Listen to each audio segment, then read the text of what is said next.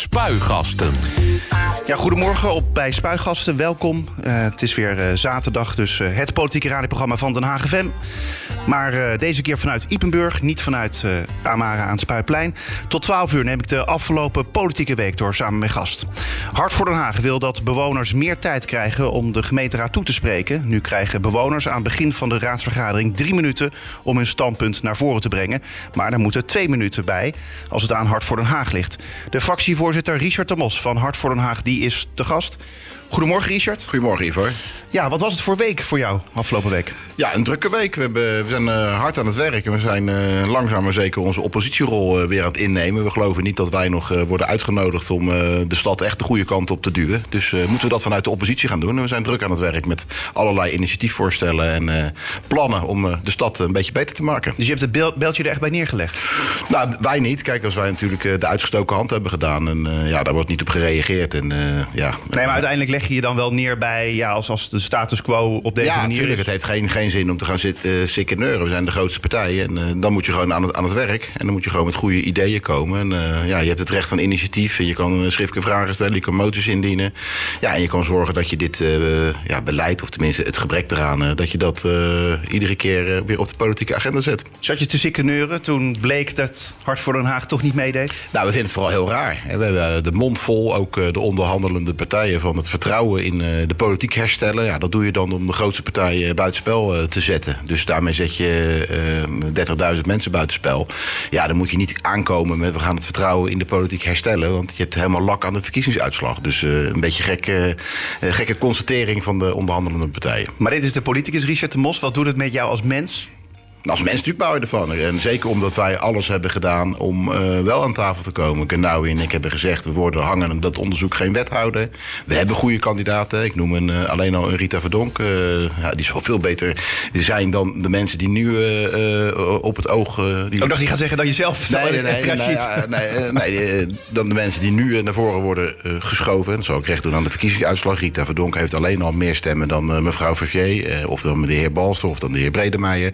Ja, dat doet recht aan de verkiezingsuitslag. We hebben D66 een brief geschreven, uh, Constant Martini, een open brief, uh, om, uh, om ons serieus te nemen. Daar is geen eens antwoord op gekomen. Ik heb Van Asten gebeld, van joh, stap over je schaduw heen en laten we gaan praten. Ook dat is terzijde geschoven. Ze willen ons gewoon niet. Nou goed, dan moeten we nu maar op naar een echt voorbarend recht effectje. En hoe ga je er dan mee om als mens? Nou, ik wil toch van je weten. Nee, dan ga je daar eerst. Uh, ik ben zelf bijvoorbeeld iemand die heel erg uh, dan van wandelen houdt. Even over het strand, even uitwaaien. En dan, uh, dan moet je altijd weer zoeken naar uh, de energie om weer door te gaan. Uh, kijk, het liefst hadden wij gewoon in het stadsbestuur gezeten. Dat was ook de inzet. Daarom heb ik ook steeds geroepen, we gaan voor, voor die 13, 14, 15 zetels. Want dan had, hadden ze niet om ons heen gekund. Nou, helaas is de opkomst heel laag gebleken. Ja, en daar hebben wij gewoon last van. In de Volkswijk is, is men het vertrouwen in de politiek zo zat... Ja, dat daar minder mensen naar de stembus zijn gegaan. En laat ons daar nou net de grootste zijn. We hebben het in iedere wijk goed gedaan. Maar ja, juist daar hadden we de klappen kunnen maken. En helaas zijn die mensen uh, thuisgebleven. Ook een opdracht voor ons om te zorgen dat die in 2026 wel naar de stembus gaan. En als mens heb ik dus een poosje gebaald. Heb ik gewoon wel even mijn weken gehad van Gert Verderri. Uh, weer in de oppositie. Uh, ja, terwijl we zulke mooie plannen hebben, mooi verkiezingsprogramma hebben. We hadden de stad een andere kant op willen duwen dan dat het nu gaat. Ja, dat kunnen we niet doen. maar we kunnen wel blijvend agenderen en proberen deze coalitie bij te sturen. En dat wordt nog een hele opgave. Want ja, ik heb niet heel veel vertrouwen in, in, in deze deze partijen die het nu gaan doen. Ja, aan de andere kant kun je ook zeggen, de mensen hebben ook geen vertrouwen dus in jou in jouw partij. Niet voldoende, nee. nee. Klaarblijkelijk dat doet dan wel pijn, lijkt mij. Als mensen thuis blijven, is dat toch, is dat een, hebben wij het ook niet goed genoeg gedaan. Hè? Negen zetels uh, met een corruptiezaak uh, boven je hoofd, dat onderzoek. Wat maar voortduurt, is misschien ook van negatieve invloed geweest. En dan toch negen zetels halen, plus, dat blijkt dat heel veel mensen wel vertrouwen hebben. Maar ik had inderdaad de hoop op, op 12, 13 zetels zeker.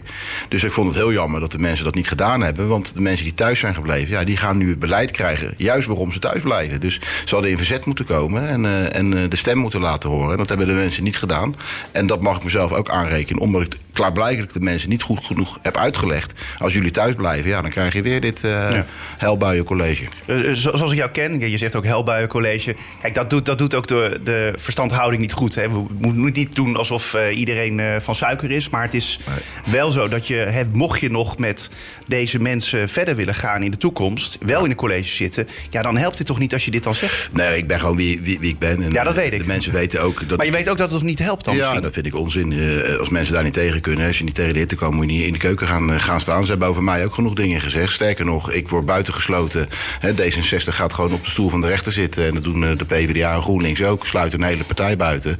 Dat is, eer, dat is erg. En dat ik een woord grap maak of een, een woordje gebruik. Ja, als ze daar niet tegen kunnen, jammer dan. Met mij kan je altijd zaken doen. Met mij kan je altijd koffie komen, komen drinken. En ze weten ook dat ik partijen wat gun. Partijen als GroenLinks heb ik twee wethouders gegund. Ze hebben er helaas niks van gebakken de afgelopen vier jaar. Maar die gunfactor was er wel. Zij hadden vijf zetels, wij hadden er acht. In plaats van wij hadden gezegd, wij nemen drie wethouders, jullie één. Heb ik laten zien dat ik kan samenwerken. En uh, dat wil ik de volgende keer graag weer laten zien. Ja, en uh, dan moeten we niet zo moeilijk doen over een woordgrap. Strijdbaar. Zeker. Mooi. Richard de Bos, zometeen gaan we het dus hebben over uh, nou ja, dat Hart van Den Haag wil dat uh, bewoners en ook politici, ook de, de gemeenteraad, meer tijd krijgt eigenlijk om de gemeenteraad toe te spreken. En dat de raadsleden dus ook meer tijd krijgen daar. Uh, daar gaan we het straks over hebben. Maar zoals altijd blikken we eerst terug op de afgelopen politieke week. Het politieke weekoverzicht. Maandag 13 juni. Als boeren binnenkort massaal per tractor naar Den Haag rijden om er te demonstreren, wil de gemeente Den Haag dat zij onderweg al worden tegengehouden. De gemeente maakt zich zorgen over het gebruik van landbouwvoertuigen als dwangmiddel. Laat een woordvoerder van burgemeester Jan van Zanen desgevraagd weten. Uh, uiteindelijk uh, komt het er, draait het erop uit dat die boeren dus niet naar Den Haag uh, toekomen. Maar jij zei, Richard, dat die boeren wel welkom waren. Zeker, Waarom? Zeker. Nou ja, ik, ik weet niet wat jij gedaan hebt vanmorgen, Ivo. Maar ik heb vanmorgen heerlijk ontbeten. Een eitje, een boterhammetje, een plakje kaas. Allemaal het harde werken van die, van die boeren. Die boeren worden nu gewoon kapot gemaakt. Die worden van hun land gejaagd.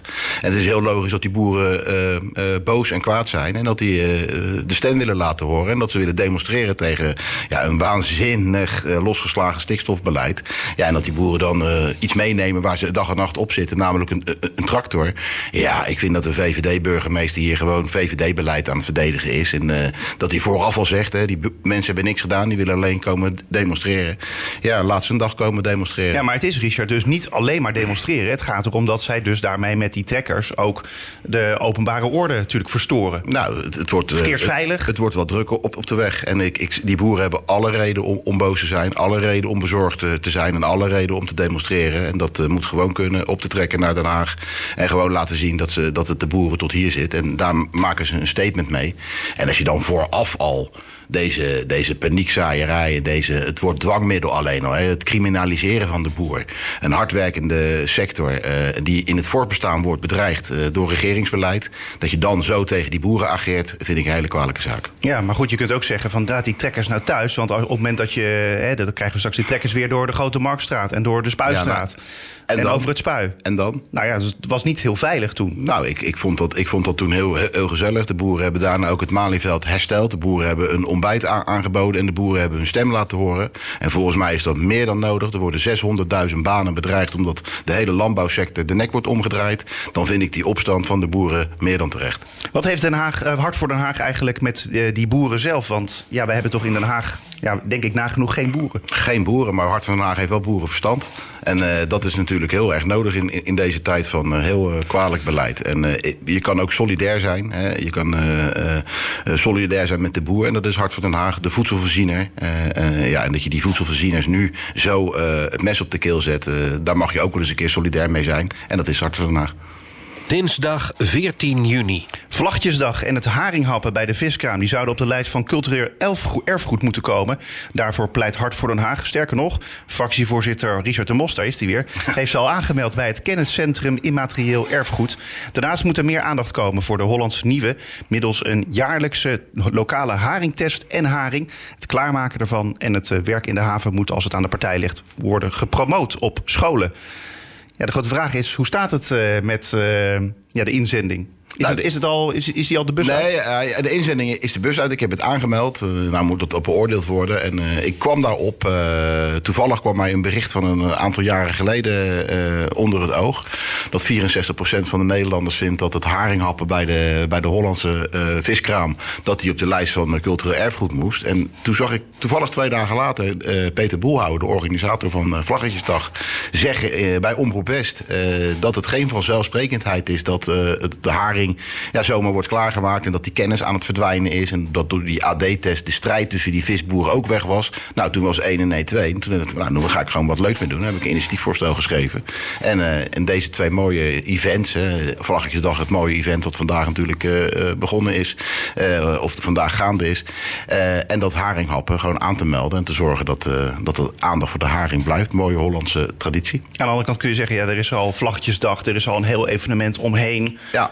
Eh, het is eigenlijk al een traditie in Nederland. Ja, je ziet wel dat bijvoorbeeld eh, de Scheveningse vloot eh, bijna niet meer vist op haring. En dat dus het, het, het, opleiden van het, nou, het kaken van de haring en wat aan, boord gebeurt, het schoonmaken van de haring, en dat dat allemaal niet meer een vanzelfsprekendheid is. En om dat nou levend te houden, om te voorkomen dat we over een aantal jaren zeggen, hadden we maar dit initiatiefvoorstel, staan er heel veel leuke dingen in, om ook het personeelstekort in de haven, bijvoorbeeld bij de visafslag. Is overal, toch? Ja, maar nou, ga dat promoten. En we hebben natuurlijk zat kinderen die, eh, die beter zijn met de handen dan, eh, eh, dan hoofdrekenen of, of een talenknobbel hebben. Nou, zorg dat die kinderen een mooie baan in, in de Scheveningse haven kunnen, kunnen krijgen bij de visafslag. Dat doe je door die visafslag te promoten en bekend te maken dat daar een hele goede boterham te verdienen valt. Met een beetje haring erop. Heb je zelf al eentje geproefd? De, Holland, heb, de eh, Hollandse nieuwe? Ik heb de Hollandse nieuwe eh, zeer gretig eh, tot me genomen. Ja, er zitten er al, al, al vier in het, eh, in het maagje. Dus, Zo, eh, kijk eens aan. Ja, en de komende, ho- komende tijd hoop uitnodigingen aan van allerhande haringparties. Dus eh, ik laat daar zeker mijn gezicht zien. Goed zo. Woensdag 15 juni. In het Tweede Kamerdebat eh, over de voorjaarsnota heeft PVV-leider Geert Wilders in een discussie over de koopkracht VVD-fractievoorzitter eh, Sophie Hermans de tassendrager van de heer Rutte genoemd. De opmerking leidde tot emotie bij Hermans en verontwaardiging bij andere fractievoorzitters. Laten we even luisteren. Voorzitter, ik zou via u aan mevrouw Hermans willen vragen hoe lang zij nog de ambitie heeft om de assistent tassendrager van de heer Rutte te blijven. Mevrouw Hermans. Voorzitter, ehm, precies dit. Precies dit was voor mij de reden om hier zaterdag iets over te zeggen. En ik ga er eigenlijk verder ook niet meer op in. Ik sta hier. Ik merk echt dat het me raakt. Ik weet niet of dat u wat uitmaakt. Ja. Ja, wat denk je toen je dit... eh, Ja, gewoon een stukje, een stukje theater van de bovenste plank. Echt, echt complete waanzin. Deze mevrouw eh, die is verantwoordelijk eh, eh, dat de toeslagenaffaire nog niet is opgelost. We hebben een aantal weken geleden heeft ze notabene iemand een medespeech laten doen. Hè, de VVD op het dossier toeslagenaffaire. Die mensen huilen. De boeren die huilen. En dat je hier op het woordje tassendrager, wat Wilders daarna trouwens heeft uitgelegd. Hij heeft gezegd dat een fractievoorzitter behoort tot de machtigste mensen van Nederland. Hè, de fractievoorzitter van de grootste partij.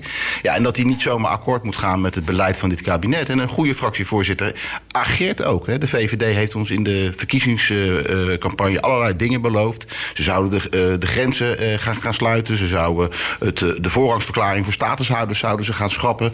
Het kabinet doet precies het tegenovergestelde. En dan moet zij als fractievoorzitter zeggen... ho, ho, Mark, Mark Rutte respectievelijk... dit gaat niet de goede kant op en ik trek hier een streep als fractievoorzitter. Dat was waar Wilders op uit was. En dat dan op één woord eh, eh, zo'n drama wordt gemaakt. Ik vond het stuitend om te zien, echt waar. ja, aan de kant kun je zeggen, het is echt een persoonlijke aanval. Ja, nou ja, welkom in de politiek. Eh, daar gaat alles eh, persoonlijk. Ik geloof dat de heer, heer- Wilders al jarenlang beveiligd wordt. Dat hij even daarvoor eh, door D66 werd weggezet als vriend van Poetin. Het is nogal een persoonlijke aanval in deze situatie met een vreselijke oorlog in de Oekraïne. Ja, wat, wat gij niet wil, dan, u geschiet, doet dat ook een ander niet. En volgens mij gaat dat bij het dossier Wilders redelijk op. Ja. Ehm, eh, toch is het wel lastig met, met Sophie Hermans. Hè, want je zegt van ja, zij die, zij stemt, zegt gewoon ja en amen, eigenlijk zeg je Ja. kort gezegd. Ja. Maar dat weten we toch helemaal niet? Zij we- weten toch niet wat zij achter de Nou coulissen allemaal probeert te regelen nou ja, als je namens de, VVD? Als je achter de coulissen probeert en de, de kiezer ziet het niet, dan regel je per saldo helemaal niks. Dus dan zou je dus moeten proberen om te zorgen dat je het ziet. En dan had je gewoon bijvoorbeeld met de uitslag van de motio, het stikstofbeleid, waarvan 51% van de leden zegt we willen het niet.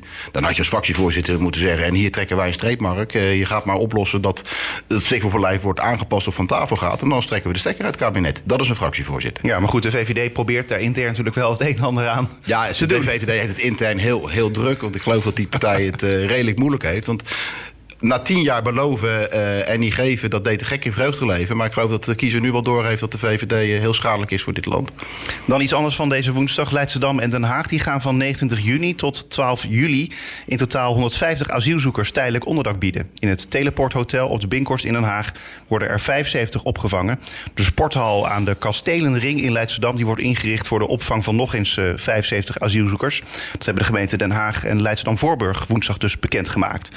Eh, Den Haag neemt daar verantwoordelijkheid, zo wordt er dan gezegd. Ja. Ben je het daarmee eens? Nou, als het Oekraïners zijn, en dat, dat weet ik bij dit eh, geval niet. Als het Oekraïners zijn wel, want wij hebben gezegd als Hart van Den Haag eh, opvang in de eigen regio. Eh, Oekraïne hoort bij Europa, nou goed, eigen regio. Tijdelijke opvang, het liefst van vrouwen en kinderen. En hopelijk als de oorlog snel voorbij is, want dat is echt verschrikkelijk wat daar gebeurt, weer terug. Met de rest van asielzoekers hebben wij minder op. Daar zeggen wij opvang in de eigen regio. Dus Eritreërs, Somaliërs en al, al dat soort mensen die hierheen komen. Ja, daar zijn wij wat minder voorstander van. Want we hebben hier in Den Haag een enorme woningnood. Eh, we hebben hier in Den Haag het, eh, de sociale cohesie die aan het eh, verdwijnen is. Kijk alleen maar naar Transvaal en naar de Schilderswijk... waar overbewoning leidt tot grote problemen.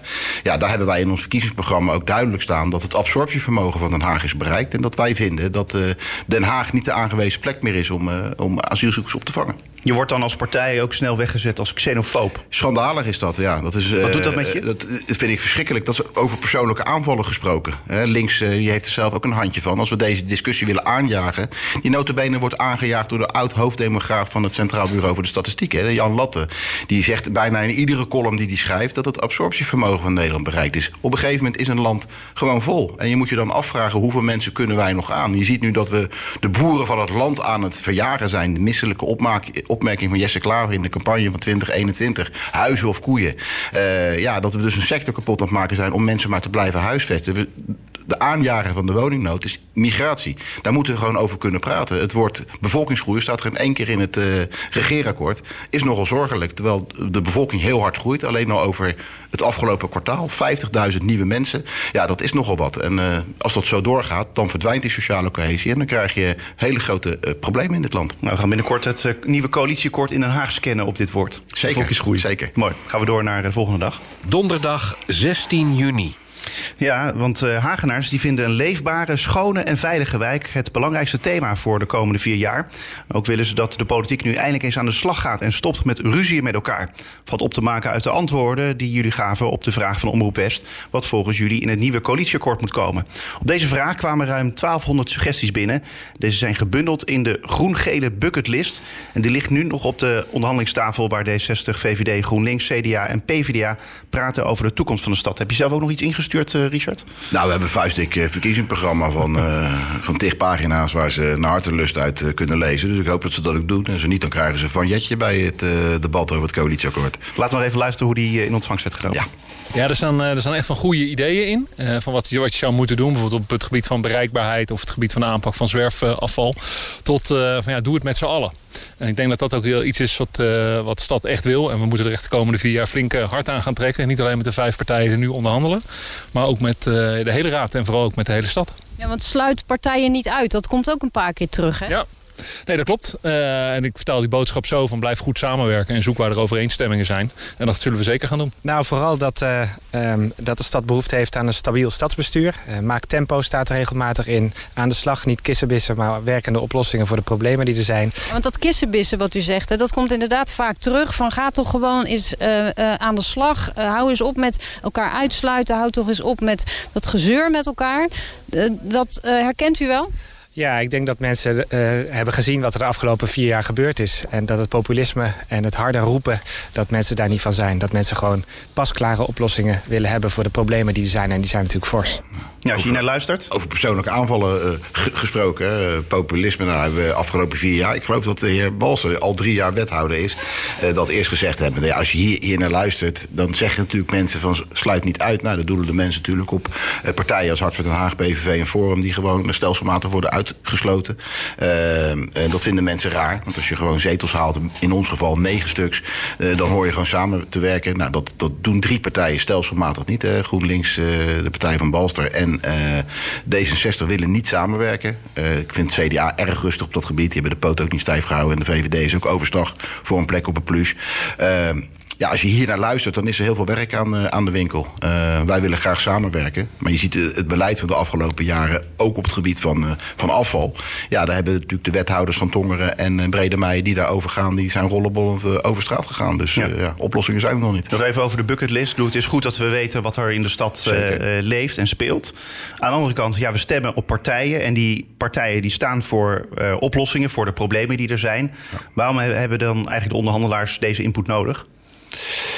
Nou ja, het is wel goed om. om ik, vind, ik vind het idee van Van West om nog eens een keer dat op te halen heel, heel goed. Kijk, uh, sommige partijen schrijven natuurlijk uh, de programma's uit uh, ideologische overwegingen. dat zou je bij ons niet zo zien. Wij hebben echt een pragmatisch programma. Maar, Jullie wij... hebben geen ideologie? Nee, de, het socialisme, liberalisme, dat zijn natuurlijk stromingen die, die, die de politiek bepaald hebben de afgelopen decennia. daar zijn wij niet van. We zijn een lokale partij, dus wij kunnen gewoon kijken wat de meest pragmatische oplossing is. We zijn ja, de ideologie is uh, problemen oplossen. Ja. Uh, hoe kijk je überhaupt eigenlijk naar die formatie? Want Rita Verdonk die voert alle debatten. Je hebt wel een beetje afstand genomen, heb ik het idee. Oh ja, ook dat was een geste. Hè? Want het werd altijd gezegd, uh, de Mos die, die bepaalt alles wat er gebeurt in de partij. En het is de partij van de Mos. Ja, heel gek. Ik heb hem opgericht, dus het zal kunnen kloppen. maar ik heb ook laten zien dat ik niet te beroerd ben om gewoon anderen die goed zijn, die debatten te laten voeren. En ja, ook, ook dan wordt de neus, de regenteske neus opgehaald. Ja, dus wat we doen, dat doet er helemaal niet toe. Wij moeten buitengesloten worden. Dat was de missie. Nou, en erg genoeg uh, lukt dat ook nog. Zit je dan een beetje met de armen over elkaar nu? Nee, op dit gebied dan, hè? Het gaat om de formatie. We wachten af. En wat ons betreft vooruit met de geit. Het duurt allemaal veel te lang. Ik, ik, ik meen me een coalitieonderhandelingen te herinneren in 2018. Toen, toen waren de champagneflessen al ontkurkt. Toen waren we al aan het werk. Hier, uh, hier zijn ze aan het soebatten. En uh, ja, is het de oude magnetroncoalitie. Het is een opgewarmde prak. Die opnieuw komt. En ze hebben het over een stabiel stadsbestuur. Ja, ik geloof dat dit college de afgelopen jaren rollenbollend over straat is gegaan. Dus ik wens ze heel veel succes om het ook intern wat uh, gezelliger met elkaar te maken. En daarom gaan ze ook een nieuwe start maken. Ja, precies. Vrijdag 17 juni. Bingo wordt de nieuwe naamdrager van het eh, voetbalstadion van ADO Den Haag. Het Belgische bedrijf opereert op de gok- en kansspelmarkt. Mensen kunnen er sportwetschappen, uh, wet, uh, sportweddenschappen afsluiten en online casino games spelen. Wat vind je van die naam Bingo? Ja, als we maar gewoon zorgen voor een beetje centjes in de, in de, in de ADO-kast... dan uh, de namen eigenlijk uh, om het even zijn. Ja, dan roep je ook bingo. Ja hoor, als, uh, ik hoop dat, ze, dat er wat budget komt. Daar maken we veel meer zorgen over. We hebben denk ik een hele leuke nieuwe trainer, Dirk Kuyt. maar er moet natuurlijk wel een spelersarsenaal bij. Want ik heb alleen maar gehoord dat spelers weggaan. Dus daar maak ik me als supporter veel drukker over dan, dan deze namen. En ik hoop dat het goede sponsors zijn. Ik geloof dat Hommerson eerder de, deze week is aangekondigd als shirtsponsor. Nou, dat is goed dat er in ieder geval weer sponsors gevonden zijn die ADO een warm hart toedragen. Dus ik, ik, ik ben blij dat dat is wel eens anders geweest bij ADO, het vinden van sponsors. De ChristenUnie SGP die was redelijk kritisch hierover. Hè? Ik weet niet of je het mee had gekregen. Nee. Oh, nou die zeiden namelijk van ja, het is niet goed als je dus uh, nou ja, een, het, het stadion waar ADO Den Haag speelt, ja. waar ook jonge mensen komen, dat je daar dat die meteen in aanraking komen dan met eigenlijk gokken. Een go soort, dat het soort ja, gokpaleis wordt. Ik vind dat ook weer het criminaliseren van het, uh, van het gokken. Natuurlijk moet je daar regels voor hebben. En die zijn er geloof ik. Hè. Je, je kunt verslaafd eraan raken. Ja, maar je kan ook verslaafd raken aan alcohol. Je kan verslaafd raken aan seks. Je kan verslaafd raken aan boeken lezen. Je kan aan alles verslaafd raken. Ik geloof dat uh, we heel blij moeten zijn als club als ADO Den Haag... dat we sponsors kunnen, kunnen vinden. Uh, dat die liggen niet voor het oprapen. Zeker niet met het imago van ADO. dus ik, ik denk dat we blij mogen zijn dat er sponsors zijn. En er natuurlijk moeten er regels zijn rondom gokken. En, boven een bepaalde leeftijd. Je moet in de gaten houden of mensen niet verslaafd zijn. En dan moet je ze uh, daarin begeleiden en, uh, en, en, wegsturen. Maar ik vind altijd maar, altijd maar die, dat naargeestige denken van... ja, we zouden wel eens dit. Ja, dat klopt. Jij verslaafd aan politiek? Ik ben verslaafd politiek, ja, dat klopt. Oké, gaan we naar de laatste dag. Zaterdag 18 juni. De gemeente Den Haag gaat in gesprek met juf Carmen. Dat schrijft AD Haagse Courant. De in Zeeland woonachtige lerares die kan geen woning in Den Haag vinden... en dreigt haar baan daardoor op te moeten zeggen. Carmen die wil graag gebruik maken van de voorrangsregeling... die de gemeente in het leven riep. Die was bedoeld voor politieagenten, zorgmedewerkers en leerkrachten zoals Carmen. Maar toch lukt het haar maar niet om een woning te vinden. Ook niet met behulp van school of woonnet Haaglanden. Het verhaal van deze lerares is precies de reden... waarom de gemeente afspraken maakt met ontwikkelaars en huisvesters... om extra woningen beschikbaar te maken voor leerkrachten, agenten en zorgpersoneel. Zegt de woordvoerder van wethouder Martijn Balser in het AD. Eh, vind je het goed dat de gemeente hier nou werk, werk van gaat maken? Ik heb de motie de Mos hierover die eh, opriep tot deze voorrangsverklaring. Die is eh, 2,5 jaar oud, misschien zelfs al drie jaar oud. En er is gewoon nog helemaal niks geregeld. Helemaal niks. En daarom gaat een, een lerares weer terug naar eh, Zeeland of all places. Ja, eh, dat, is, dat is dus eh, niet goed. Ja, pas je op met, wat je over Ja, Zeeland ja, ja. zegt. Ik wou dat even Ja, ja nee, maar het is natuurlijk schandalig dat we dat, we dat nog steeds niet rond hebben geregeld. Hè, dat, Ja. dat, dat de wethouder alleen maar praat eh, en niks doet. Eh, waarom, waarom heb je niet als de- Den Haag gewoon een aantal woningen eh, zelf ter beschikking? En dat je zegt van nou, we hebben honderdtal woningen bijvoorbeeld, daar beginnen we mee. En dan gaan we eens kijken of we, of we meesters en juffen van buiten Den Haag kunnen aantrekken. En dat we dan direct die woning kunnen, kunnen bieden. In plaats van we gaan praten, we laten de woning net uitzoeken. Nou, er wordt heel veel gepraat. We zijn drie jaar verder. Conclusie is dat deze juf teruggaat naar, naar Zeeland en Den Haag met piepende banden verlaat. Dus niks geregeld. Tot zover het weekoverzicht. Meer nieuws vind je op onze website denhagfm.nl. Spuigasten. 100%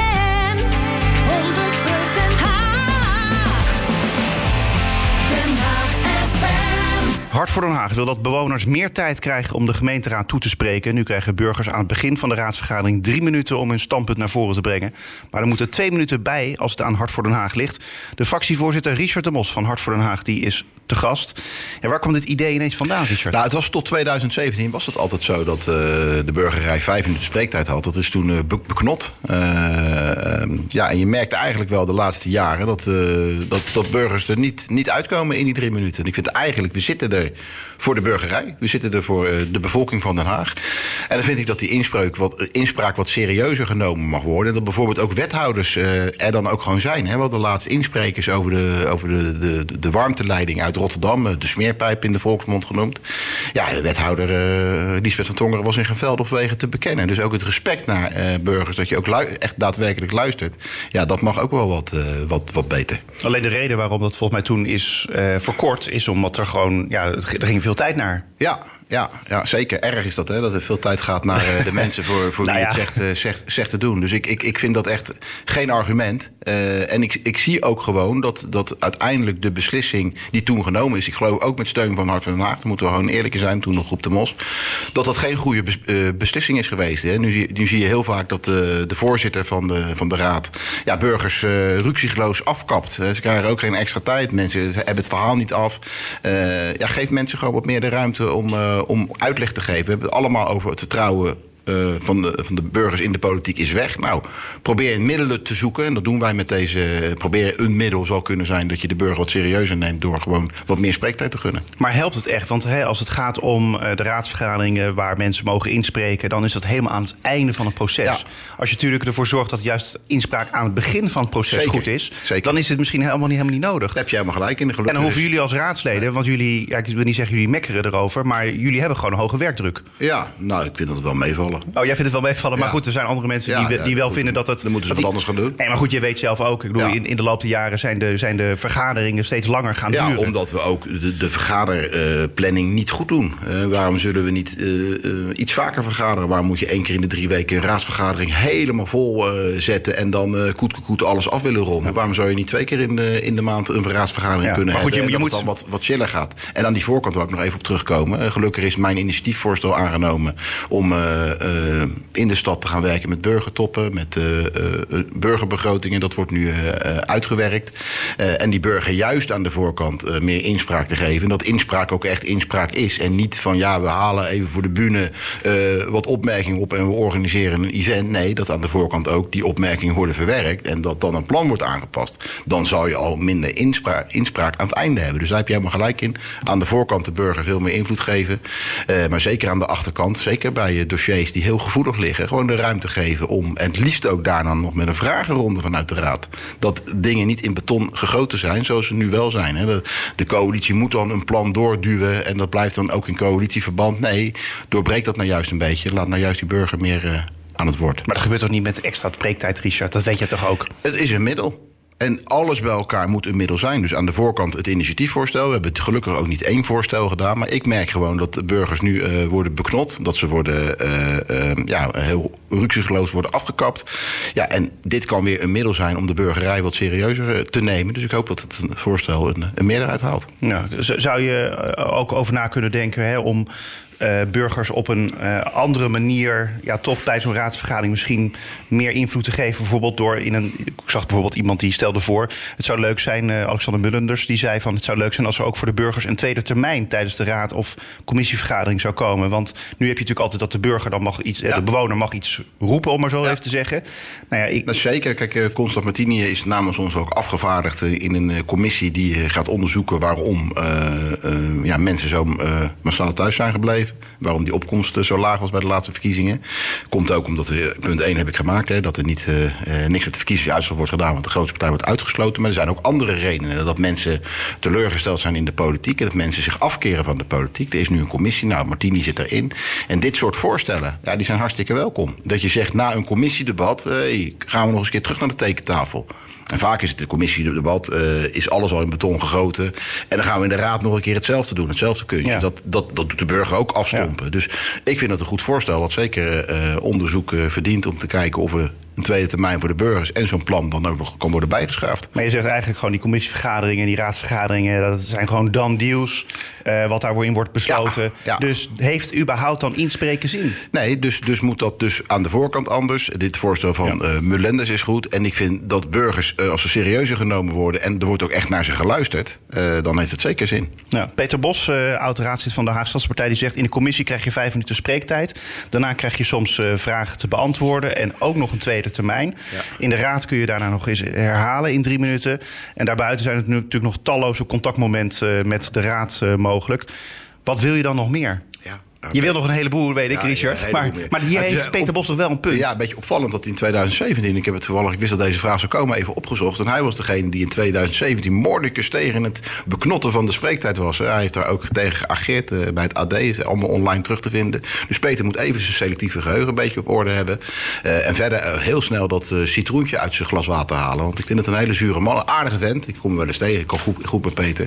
Maar hij is soms wel zuur hoor. En dit is gewoon een voorstel om burgers wat serieuzer te nemen. Wat kan daar tegen zijn? Ja, maar Peter heeft toch wel een punt dat dat bewoners gewoon heel veel ruimte krijgen. Ik bedoel, jij zegt ook al, ik ben een super benaderbaar persoon. Ja. Mensen kunnen zo met je, met je bellen of met je Zeker, mailen, gelukkig wel. twitteren. Ja. ja, dus ja, waarom... eh, Nou, omdat ik merk de afgelopen jaren dat die drie minuten voor de burgers eh, niet, eh, niet voldoende is. Bij de afgelopen raad heeft de burgemeester vier, vijf keer mensen gewoon afgekapt midden in het verhaal. Dan denk je, ja, laat die mensen gewoon even het verhaal afmaken. Het gaat toch uiteindelijk om de mensen.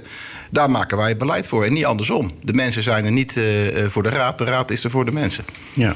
Eh, iemand anders die zei van ja, ik vind dat de participatie belabberd gaat, maar dat los je niet op met extra tijd in de raad. En die inspraak in de raad is ook vrij, vaak vrij ineffectief. Een Ja. commissie is veel effectiever. Ja.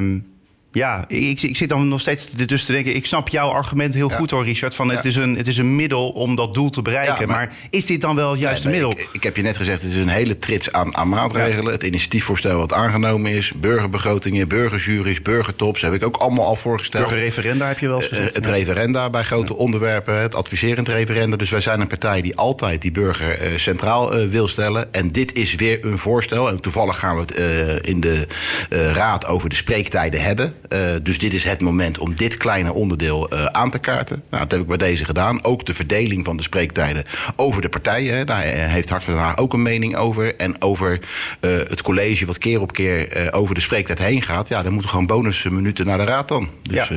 Ja. dus we hebben heel veel voorstellen gedaan over het onderwerp spreektijd. En de burgerij staat, je kent Hart van Den Haag, staat erbij weer centraal. Ja, dan gaan we, als, als het goed is qua spreektijd, gaan we nog even vijf minuten hebben over de gemeenteraad. Ja. Vind je dat oké? Ik vind het oké. Ik ik, ik kijk even Nee, ik ben geen, eh, geen strenge voorzitter.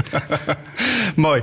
Ehm, eh, jullie komen dus met het voorstel om standaard zes minuten per fractie toe te kennen... plus een minuut per zetel. Ja. Dat zou dan voor Hart voor Den Haag neerkomen op 15 minuten in plaats van 14. Dan denk ik, dat komt jullie wel goed uit, dit plan. Ja, maar heel gek. Wij zijn ook de grootste partij. Ja, Kijk, maar heel gek dat het jouw idee is.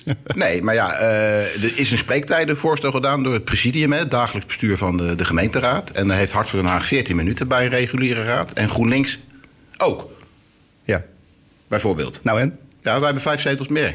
Nou en? Dat zou je toch ook kunnen Of zeggen? vier, sorry. Ja. Zij hebben er vijf, wij hebben, wij Ja. hebben er negen. Nee, nee, de burger heeft gesproken. Klaarblijkelijk willen ze liever naar ons luisteren dan eh, naar het gezanik van GroenLinks. Dus ik vind dat, dat, dat de spreektijden dat die gewoon eh, verdeeld moeten worden naar ratio. Nou, zes minuten standaard per fractie.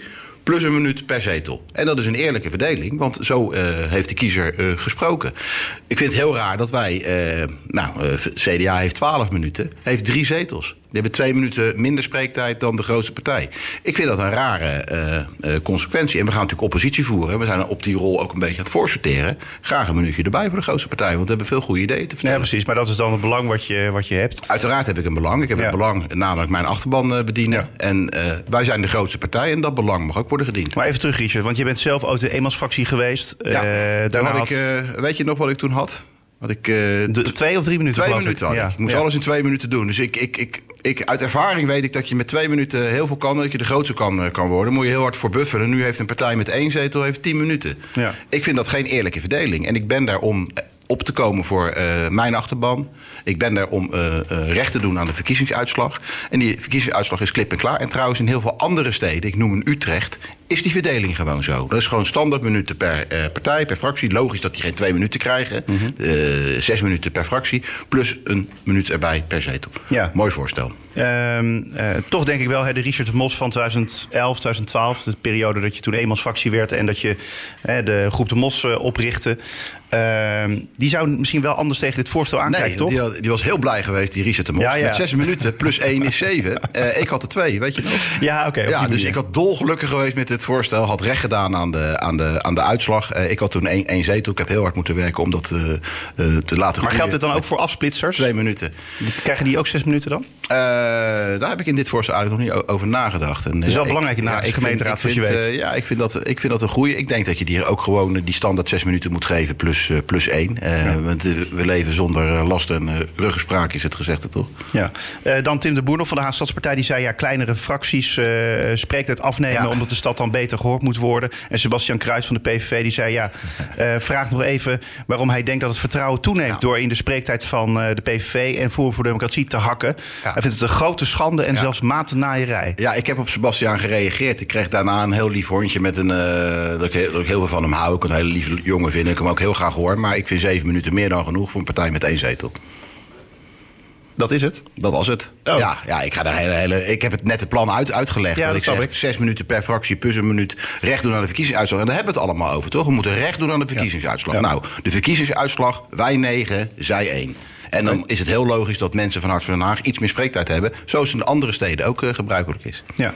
En Eh, verder hou ik van Sebastiaan ontzettend veel. heb, je nog, hij achter de, ja, heb je nog achter de coulissen nog wat geprobeerd om nou ja, hier al wat draagvlak voor dit plan te krijgen? Ja, ik geloof zomaar dat dat niet al te veel draagvlak leidt. En dan hebben we het weer over, we moeten de kiezer serieus nemen. Nou, klaarblijkelijk niet de achterban van Hart van Den Haag die de grootste is. Dus ik heb dit voorstel gedaan. Ik heb ook een voorstel gedaan, daar hebben we het nog niet over gehad... om het college, wat keer op keer buiten de spreektijd treedt... Hè, er gaan daar ei, oeverloze eh, beschouwingen over de stad... en eh, langdradig, niet to the point, geven geen antwoorden op de vragen van eh, raadsleden.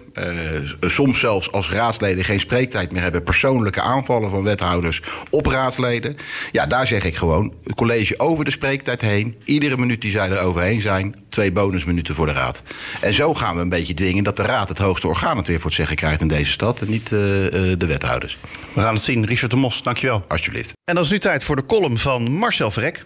Stadgenoot, hier zit, ik ben met de fiets gekomen, Ivar. Geweldig, hè? Ja, goed. Het is radio, maar... Ja, want het gaat over sport. ADO heeft een nieuwe sponsor. Hè, Richard, leuk. Een gokbedrijf. En dat past natuurlijk helemaal bij ADO. Het kost heel veel geld en toch altijd verliezen. Bovendien is gokken verslavend en verslaafd is ADO ook aan het geld van de gemeente. Ons geld. Wanbeleid door overbetaalde nitwitte en half Parnassia als achterban. Met respect voor de patiënten in Parnassia. Daar wordt tenminste nog een poging tot genezing ondernomen. Het ADO-stadion zal vanaf nu het Bingo-stadion heten. Bingo. Ik heb veel slechte woordspelingen in mijn carrière gemaakt, maar dit slaat alles bingo. Er is geen enkel talentvol jeugdspelertje dat ervan droomt om later in het Bingo-stadion te spelen. Zo'n jongetje gaat liever tennissen, al moet je dan ook maar de juiste leraar treffen. Iemand die zegt dat hij je ballen mooi vindt en dan moet je maar hopen dat hij het over tennis heeft.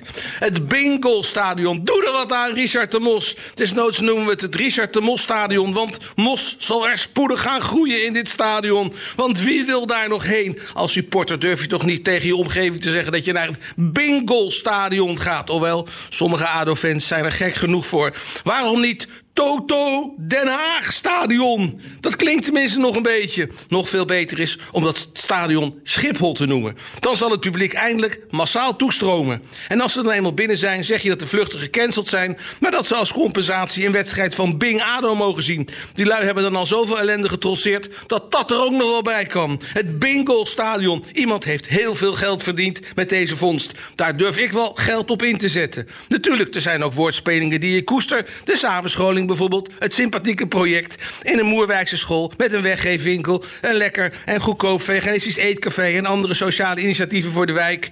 Dat zou moeten verdwijnen. Liever die subcultuur dan weer een projectontwikkelaar. Daar krijg ik een bingo gevoel van. Bingo. Aan dit soort woordspelingen gaat de wereld ten onder, want het wordt nog veel erger. Gaan we het gedeelte van Oekraïne dat nu weg is, straks Zoekraïne noemen. Het Songfestival wordt volgend jaar niet in Oekraïne gehouden... omdat je niet weet dat dat land er nog bestaat... of dat er in het land nog überhaupt wel 12 points over zijn. Wie weet gaan ze dat festival straks op het Malieveld organiseren... en wordt die plek naar onze jonggehuwde zangeres Anoekraïne genoemd. Heel erg deze woordspeling, maar nog lang niet zo erg als bingo... heet onze bondscoach voortaan Louis van Gol. De overspelige Welen voortaan Willem Bijslaap of Willem Bijvrouw... en is Danny de Munk volgens de Juice-kanalen voortaan Danny de Neuk. En die sneuwe roddels, neuzen, Yvonne geven die voortaan de achternaam Colt de Meijer. Ja, ik kan zo bij de Telegraaf gaan werken. Gaat de fractieleidster van de VVD vanaf nu door het leven als Sophie Huilmans. En moeten we blij zijn dat er voortaan sprake is van de Koen en Zonder show. Het is natuurlijk heel erg van de Oekraïne en de dreigende hongersnood. Vanwege de stagnerende graanoogsten, de gruwelijke allesverdorende hitte in de wereld, ons besluiteloze kabinet, de, de, de situatie met Richard de Mos die nog steeds niet weet of die door mag gaan. De oplopende coronacijfers en de boeren die straks onze stad weer komen omploegen. Maar het is allemaal niets vergeleken bij het grote verdriet en de onmenselijke ramp, Ivar, van het nog niet eens helemaal opheffen van de Koen en Sander show. Waar de beide heren de hele week over